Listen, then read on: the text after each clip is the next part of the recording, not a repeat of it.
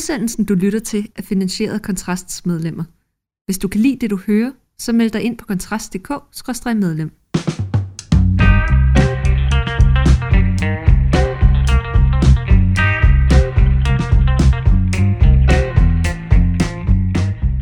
Velkommen til endnu et afsnit af Fyraften med Kontrast. Dagens Fyraftens podcast, den øh, udgøres af mig, Astrid Johanne Høgh, og min gode kollega Rasmus Ulstrup. Velkommen. Og øh, i dag, så, øh, så raser øh, Rasmus imod kvinder. Han, har, han er aktuel med en anmeldelse her på vores eget medie, der hedder Feministisk kampskrift fejler fatalt. Blot bogstaveri, mm, mm, Rasmus. Mm. Øhm, og den handler om øh, den bog, der hedder Feministisk kampskrift, der er skrevet af Camilla Sø og Maria Gudme. Og du har givet den to ud af seks k'er. Vil du forklare, hvorfor den fejler fatalt? ja, øh, den, den hedder, undertitlen er, øh, er vist noget øh, mod magt og MeToo. Jeg tror, det er den rækkefølge, ikke? Altså, så det handler om MeToo. Og hende er Camilla Søge og Maria Gudme er to øh, ungdomspolitikere, eller ikke ungdomspolitikere. De er unge, men, øh, men Maria Gudme har lige siddet i Folketinget faktisk for, øh, for, for Socialdemokratiet. Hun kom ind som supplant øh, for en, og, og, og, og de er jo 30 år eller sådan noget. Men, men de er i, i den forstand i den politiske verden, er det to unge kvinder, som skriver om, øh, om MeToo. Øh, og de var forfattere til en kronik i Politiken 2020, der hed En blandt os, det der hashtag, der ligesom har kørt. Og det er de umådeligt stolte over at have været forfattere til, fordi hele bogen handler om at fortælle om, hvordan det var at skrive en kronik i politikken. Og, og, og, og, og det er... Øh, det er, som jeg skriver i min anmeldelse, det er grundlæggende noget, de bruger alt for meget tid på, fordi det er flot, at de lavede en, en, en kronik i politikken. Den kom også på forsiden af politikken i 2020, men, men helt ærligt, så er det ikke øh, noget, der kan bære en hel bog, at man har fået bragt en kronik i politikken. Det kan heller ikke bære en bog, man har været på forsiden af politikken. Det kan heller ikke bære en bog, at man har været i News, eller man har været i DR, eller man har været i Deadline, eller man har været i øh, P1. Så grundlæggende så er udgangspunktet nemlig at skrive en bog, der grundlæggende handler om, at man engang skrev en kronik i politikken. Mm. Nok et rimelig skidt udgangspunkt. Og derfor så havde jeg også håbet, når den hedder Mod Magt og MeToo, at de ville gå ind i selve diskussionen om MeToo, som jo var det, der var udgangspunktet for den der En Blandt Os-kampagne, øh, når man jo nu har en hel bog på 200 sider til rådighed. Øh, og som jeg skrev en anmeldelse, tænker okay, de, de har ligesom påtaget sig at være så at sige, frontkæmperne for MeToo her. Altså, altså, Sofie Linde var selvfølgelig en, der startede det, men de overtager så at sige kampen med den her kronik og den her bølge her, der hedder En blandt os. Og, og, og hvis der er noget, MeToo har været, øh, har været som fænomen, så er det, det har været et splittende fænomen i den forstand, at der har været meget stor skepsis, eller der har været mange, mange kritiske indvendinger, og det siger de jo også selv, der har været. Altså, de har oplevet så meget modstand mod det, og så tænker okay, nu skal vi da høre fra de to frontkæmper, hvad er så svarene på alle de her indvendinger, der har været gennem tiden, fordi dem vil jeg meget gerne høre. Og grund til, at den fejler fatalt, det er, at den tager ikke de indvendinger op. Mm. Hvad, hvad kunne det være for indvendinger? Jamen det, som jeg skriver i, i, i anmeldelsen, der er nogle helt grundlæggende spørgsmål, man, man, man savner svar på omkring MeToo, fordi man på en eller anden måde tager øh, nogle forhold, som ikke hører under det juridiske, altså det retslige, og så behandler man det på en eller anden måde de sidste par år som en sag, hvor man skal så at sige finde ud af, hvem er skyldig, har han gjort noget, der er forkert, skal han fyre, skal han ikke? Altså, så vi behandler grundlæggende de her MeToo-sager som juridiske sager. Vi behandler dem bare uden for retssystemet. I det, sådan, det offentlige rum behandler vi dem, og så kan arbejdsgiver så finde ud af, hvad konsekvensen skal være for det, når man så har diskuteret det. Altså, Jes Dorf behandlede vi i en dokumentarfilm. Øh, hele TV2 blev Cecilie Bæk øh, hendes knalleri med en ungelig mand, pra, mandlig praktikant, blev også behandlet i den offentlige rum, hvor der var mange, som sagde, hun skal fyres, andre sagde, ej, det skal hun altså ikke. Så pludselig er sådan nogle her meget alvorlige konsekvenser og meget alvorlige ting for konkrete mennesker, er noget, der er rykket ud i, i, i det offentlige, frem for at være i privatsfæren. Så nogle af de indvendinger, der er over for MeToo, det er selvfølgelig, hvordan, hvor sætter man grænsen for, hvad der rager andre mennesker, end de to, der har haft et seksuelt oplevelse med hinanden, eller et seksuelt clash, eller øh, dårlig oplevelse med hinanden, og hvornår rager det andre end arbejdsgiver og arbejdstager, hvad folk gør på deres arbejdsplads af seksuelle ting. Det er meget, meget vigtigt spørgsmål at afklare, fordi det er groft grænseoverskridende at diskutere andre menneskers sexliv i det offentlige rum. Altså det er helt åbenlyst. Du kan ikke på en og samme tid hævde, at seksualitet og alt muligt andet er meget vigtigt ikke at blive krænket, og samtidig mene, at det derfor ikke også er ekstremt grænseoverskridende at diskutere andre menneskers seksualliv i det offentlige rum. Altså, du må have respekt for seksuallivet, både hvis du går ind for MeToo, men så må du også have respekt for, at der skal være meget, meget, meget, meget klare, tydelige grund til, at man siger, alright, det her, det, det skal diskuteres på et højt niveau. Og de her diskussioner får vi ikke. Vi får heller ikke nogen diskussion om, hvad vil det egentlig sige at have lavet en såkaldt MeToo-krænkelse? Altså, hvad er forskellen på at have lavet en MeToo-sag, og så bare det at have begået et overgreb på nogen? Mm. Fordi hvis man har voldtaget nogen, så er det jo ikke en MeToo-sag, så er det jo, så er det jo et reelt straffesag. Altså, så, så har det jo ikke en skid at gøre med, med MeToo. Øh, og hvornår er det bare, at man, så at sige, det, det de kalder så at sige, udnytter sin magt? Altså, hvornår udnytter man, at man har en chefstilling til at sex med en underordnet? Og er det egentlig overhovedet noget, der rager andre, hvis de to, der, er med, på, der gør det, ligesom er med på den? Altså, rager det i offentligheden, at Cecilie Bæk knaldede med en mandlig praktikant, hvis han synes, det var fedt at knalde med hende? Mm. Altså, de her spørgsmål her er jo vildt vigtige at forholde sig til i en MeToo-tid. Mm. Og de her to forfatter forholder sig ikke til det. Nej, du havde øh, et, et godt eksempel i din, øh, i din anmeldelse, øh, hvor at... Øh, tag for eksempel deres forsvar imod indvendingen om, at kvinder, der deltager i MeToo-debatten, kun gør det, fordi de hader mænd. Og så citerer du, nogle fester sig meget ved tanken om, at MeToo er drevet af had, at der per definition må være forklaringer på de sager, der har været offentligt fremme. Der findes indiskutable kvinder i Danmark, der hader mænd, ligesom der findes mænd, der hader kvinder. Men at det ligefrem skulle være drivkraften bag den slags historier, det er alligevel en hæftig påstand. Og så skriver du, hvad i alverden er det for et ligegyldigt svar? Hvorfor overhovedet føre den form for diskussion af både indvendinger og svar, altså intet sige? Ja, og det er jo, og det er jo de, de gør, det, der er smart, når man skriver sådan en kampskrift, når man skriver en bog, når man er forfatteren til noget, det er, at man selv kan udvælge indvendinger over sin holdning. Altså i en vis forstand kører vi jo alle sammen sådan, så at sige, en sokratisk dialog op i vores hoved, når vi diskuterer eller tænker over holdninger og politik. Og en sokratisk er den forstand, at vi kører en indre dialog, hvor vi argumenterer med os selv. Ikke? Altså, jeg synes, skatten skal ned. Så vil min modstander nok sige, nej, fordi så bliver uligheden, øh, så øges den. Hvad så er modsvaret til det? Og på den måde kan man så at sige diskutere med sig selv. Det tror jeg, vi alle sammen kan gå og gøre, hvis vi er meget optaget af noget politisk eller andet. Ikke? Og det, man så kan udnytte ved at være den, der skriver bogen, det er, at man kan tage de indvendinger, der er aller dårligst over for den holdning, man selv har. Ikke? Så de finder sig, som jeg skriver, de mest åndsbollede indvendinger, nemlig, at øh, det, der er modstand mod MeToo, det er, at det nok er, fordi kvinderne bare hader mænd. Det er den ene af de indvendinger, de fremhæver. Og den måde, de så afviser det på, det er det citat, du lige har læst op, hvor de siger, det er alligevel en hæftig påstand. Og så, hvad filen skal vi bruge den diskussion?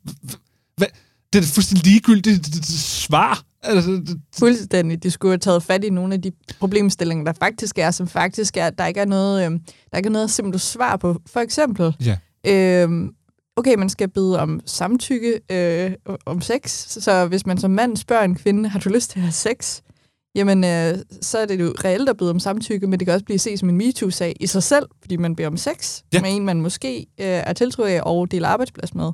Jamen, og de skriver endda i deres bog, det er også en af tingene, jeg kritiserer voldsomt i, i bogen, det er, de har sådan en oversigt over det, de kalder for krænkelser, eller der har de seks eksempler, hvor det ene, det er bare overgreb. Og det er klart, det er en krænkelse. Og så den næste, det er et, sex, et verbalt seksuelt øh, tilbud om sex, om sex. Altså, så hvis en mand spørger om samtykke, hey, har du lyst til at, at, at have sex med mig, øh, så står det som en krænkelse. Og så er det netop, og det er jo det, der gør, som jeg også gør, at mange mænd er blevet meget bange efter det her MeToo.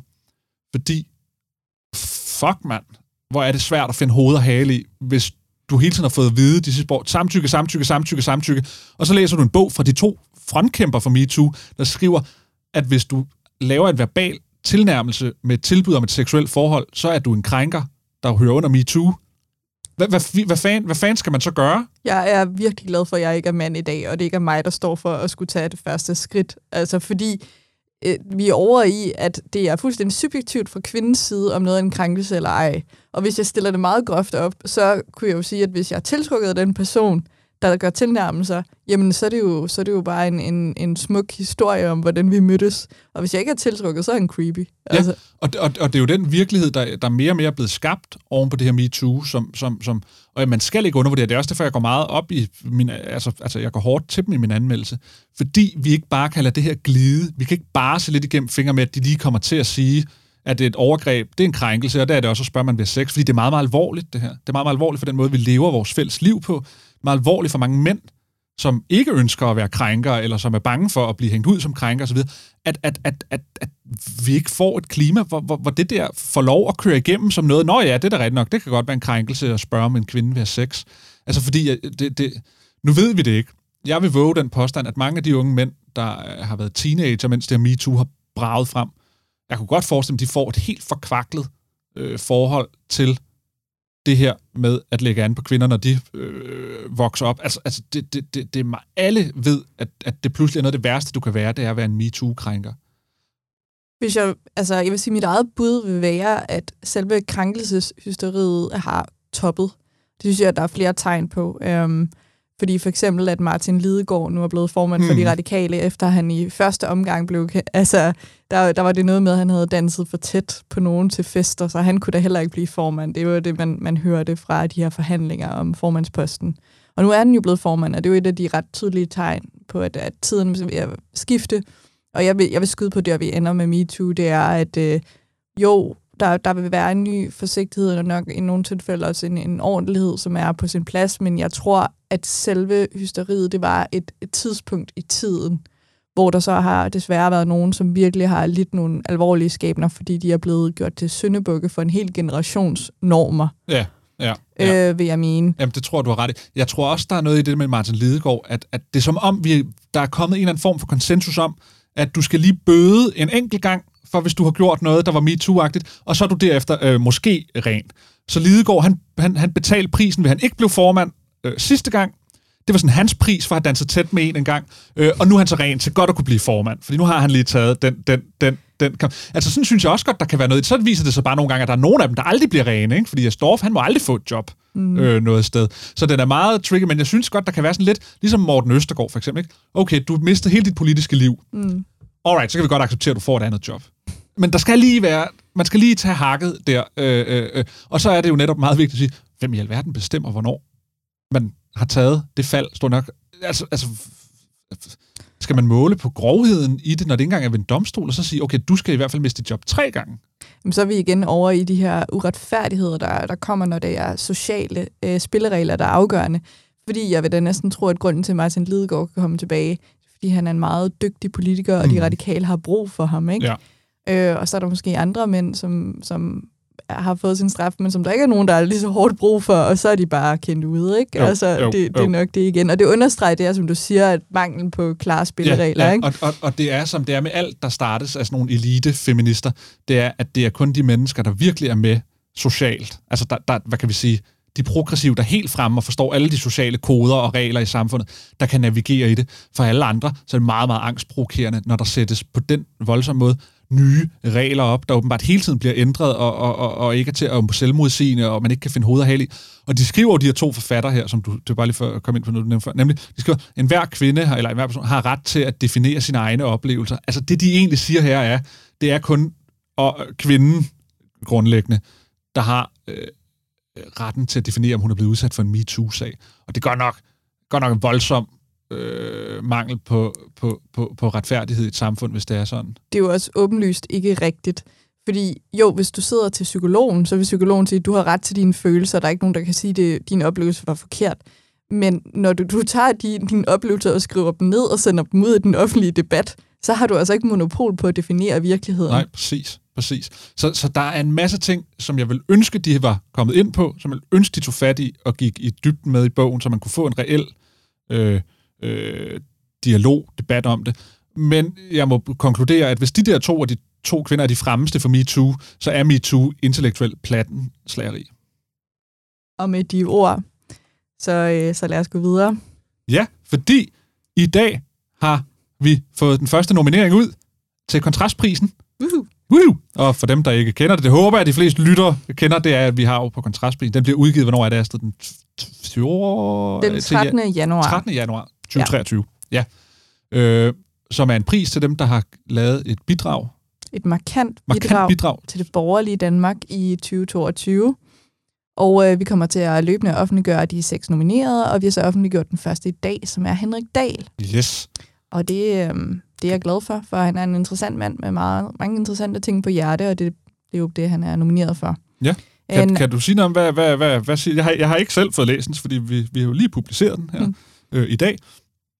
Hvad siger, øh, hvad siger Henrik Dahl? Hvad, hvad, hvad, du har jo interviewet, du interviewer jo de her ja. øh, mennesker her, der er blevet nomineret til kontrastprisen. Hvad, hvad har Henrik Dahl på hjerte for borgerligheden i år, så at sige? Han har en masse på hjerte. Han har så meget på hjerte, han har skrevet en hel bog om det, der hedder ved, ved voksenbordet. Og den henviser til politikernes ønske om at få lov til at være med i de her store, brede midterforliger fordi så får man så meget opmærksomhed. Man kan få lov til at lave de her doorsteps-interviews, og man kan virkelig, altså der er nogen, der er med i hulen, og der er nogen, der er uden for hulen. Ikke? Det er voksenbordet, som man kalder det. Og det han egentlig siger, det er, at de borgerlige skal holde op med at jagte doorstep-interviewene, og så skal de lade de røde være alene om deres dårlige idéer. Han siger, der er alt for mange brede reformer, som grundlæggende trækker den forkerte retning, som trækker den socialdemokratiske retning. Og så nytter det ikke, at de borgerlige siger, ja, vi har fået det her, de her små ting igennem, så det er ikke så dårligt, som det kunne have været. Nej, fordi så bliver vi fanget i de rødes fælde, mm. hvor vi mm. bliver tvunget til at forsvare deres dårlige idéer. Og han fremhæver folkeskolereformen som et godt eksempel, som jo er, han kalder det en mistrivelsesreform. Fordi den har fejlet på alle parametre. Den har fejlet på, når det kommer til trivsel, og når det kommer til faglighed, og det er blevet øh, eftervist øh, mange gange. Øh, og LA stod udenfor, og det har de haft rigtig, rigtig god gavn af, fordi at det, det er jo en platform for dem til at kritisere hele den socialdemokratiske tankegang om at forme børnene i statens billede. Øhm, og, og det havde de ikke kunne gøre på samme måde, hvis de havde været med i den her reform det er ret interessant, ikke? fordi det strider lidt imod den der fortælling, vores politikere på stort set alle partier i blå og rød blok er, nemlig at det altid er en sejr, at man laver et bredt forlig, at der er så mange, der er med som muligt i de beslutninger, der bliver truffet. Det kan man jo godt sige, det er da skønt, når der er mange, der er enige med hinanden. Ikke? Men, men, men så det er en ret interessant kritik, at han siger, at problemet jo er, sådan som jeg forstår det, at det gør, at så kan vi aldrig vende os, vende os imod det, det crap, der er blevet indført. Det sjove er, at han har faktisk fundet ud af, hvor den norm stammer fra rent historisk. Okay. Og han siger, at det blev øh, opfundet af de gamle magtpartier øh, lige efter besættelsen. Fordi at de gamle magtpartier, de stod i unåde i befolkningen. Så der var det kommunisterne, og det var Frihedspartiet, øh, som, som øh, var populære. Og, øh, og magtpartierne, de var ligesom en lille smule skæmmet øh, af, af øh, samarbejdspolitikken osv. Øh, så derfor opfandt man den her norm om, at, mm. øh, at øh, det skulle være, det var inde på midten, de voksne sad, og hvis ikke man var med i de brede forliger, så, øh, så var man ikke øh, voksen nok til ansvaret. Og det var meget sjovt, ikke? At, jo, jo, jo. Og så siger han, at det er jo, det er jo relevant i, i vores tid, ikke? hvor vi igen har øh, en masse nye partier, øh, som forsøger, altså som har, har befolkningen med sig, medvind med sig, tiden med sig, kan man sige. Og så skal igen magtpartierne, Socialdemokratiet og Venstre, ikke? nu skal de jo igen tale for, at de har de har en, en erfaring og en stabilitet, ikke, som der er brug for. Og så, øh, og så bed jeg også selv mærke i forleden, da Martin Lidegaard, han, han talte om muligheden for en, øh, for en midterregering med de partier, der havde været med i det nationale kompromis, som ja. den her forsvarsaftale. Det er jo fuldstændig som... Øh, ja, ja, ja. Sige, um, dem, der havde vist sig voksne. Ja, der, præcis, ikke? præcis. Ja. I virkeligheden så var han jo enormt forudseende, fordi den udkom jo, hvornår var det her Henrik Dahls bog der? Den udkom ved Voksbog. Var det i september? Ja, jeg tror, det var ja. september. Ja, og, så, og så får vi et valg, og nu kaster alle sig bare ind i, i at vil lave en midterregering, der skal være så bred som mm. muligt, og det skal være de store magtpartier, der skal blive enige med mm. hinanden om alle de vigtige ting her i samfundet. Altså, den, den, den kommer der på et, uh, på et veltegnet tidspunkt. Det er et rigtig godt tidspunkt, fordi det, han jo faktisk siger, det er, jamen, man kan vælge magten og midterregering, og med mand, som er venstre. Øh, øhm, eller øh, man kan gå en anden vej, ikke? Fordi det her, det bliver... Altså, det tror jeg også. Jeg tror, at hvis Venstre går i regering med Socialdemokratiet, jamen, øh, jamen så får de sikkert nogle øh, fine reformer igennem, der økonomisk set er rigtig fornuftige, men så var han jo banet for, at Mette Frederiksen bare ved næste valg kan ja. igen gå til valg på at være mere ren rød. Øhm, ja. Og så er Venstre fanget i at skulle forsvare upopulære reformer, og samtidig ideologisk solgt helt ud. Ja. Så har de ikke noget tilbage. Ja, ja, ja det, det, altså, jeg kan heller ikke se andre muligheder, end hvis, hvis Venstre vælger at gå i regering med Socialdemokratiet så kan de bare begynde at dele deres egen vælgere ud til alle de andre i blå blok, som så vil stå uden en naturlig leder ved næste valg. Fordi hvem skal Pape så stille sig op og sige, jeg vil være statsminister til næste... Jeg tror ikke helt på det, vel? Skal Jacob Ellemann stå og sige, hey, jeg går til valg på, at Mette Frederiksen skal ned med nakken, når jeg lige har været i regering? Nej, vel? Det skal, altså, så det, jeg, jeg, jeg har selv skrevet her i alle forleden, at hvis Ellemann han går med i det der, så bliver det døden for borgerligheden. Mm. Ja, uha. Så det bliver jo, det bliver jo, øh, det bliver jo interessant at, at se. Men øh, det er jo noget med, at der kommer de her nomineret til kontrastprisen. Du laver nogle, vi kommer med nogle interviews yes, løbende, så, så man kan holde øje med, ja. hvem der er nomineret til kontrast. Man, præcis. Så vi, øh, vi offentliggør de nominerede drøbvist, men øh, Henrik Dahl er altså den første, der er blevet offentliggjort, og man kan læse interviewet med ham i dag, og alle kan læse det, fordi det er ikke bag betalingsmur. Sådan. Så skynd jer ind og læs. Ja, det var så øh, det for aftens fyraften med kontrast. Det var rigtig hyggeligt at bruge den sammen med dig, Rasmus. i lige måde.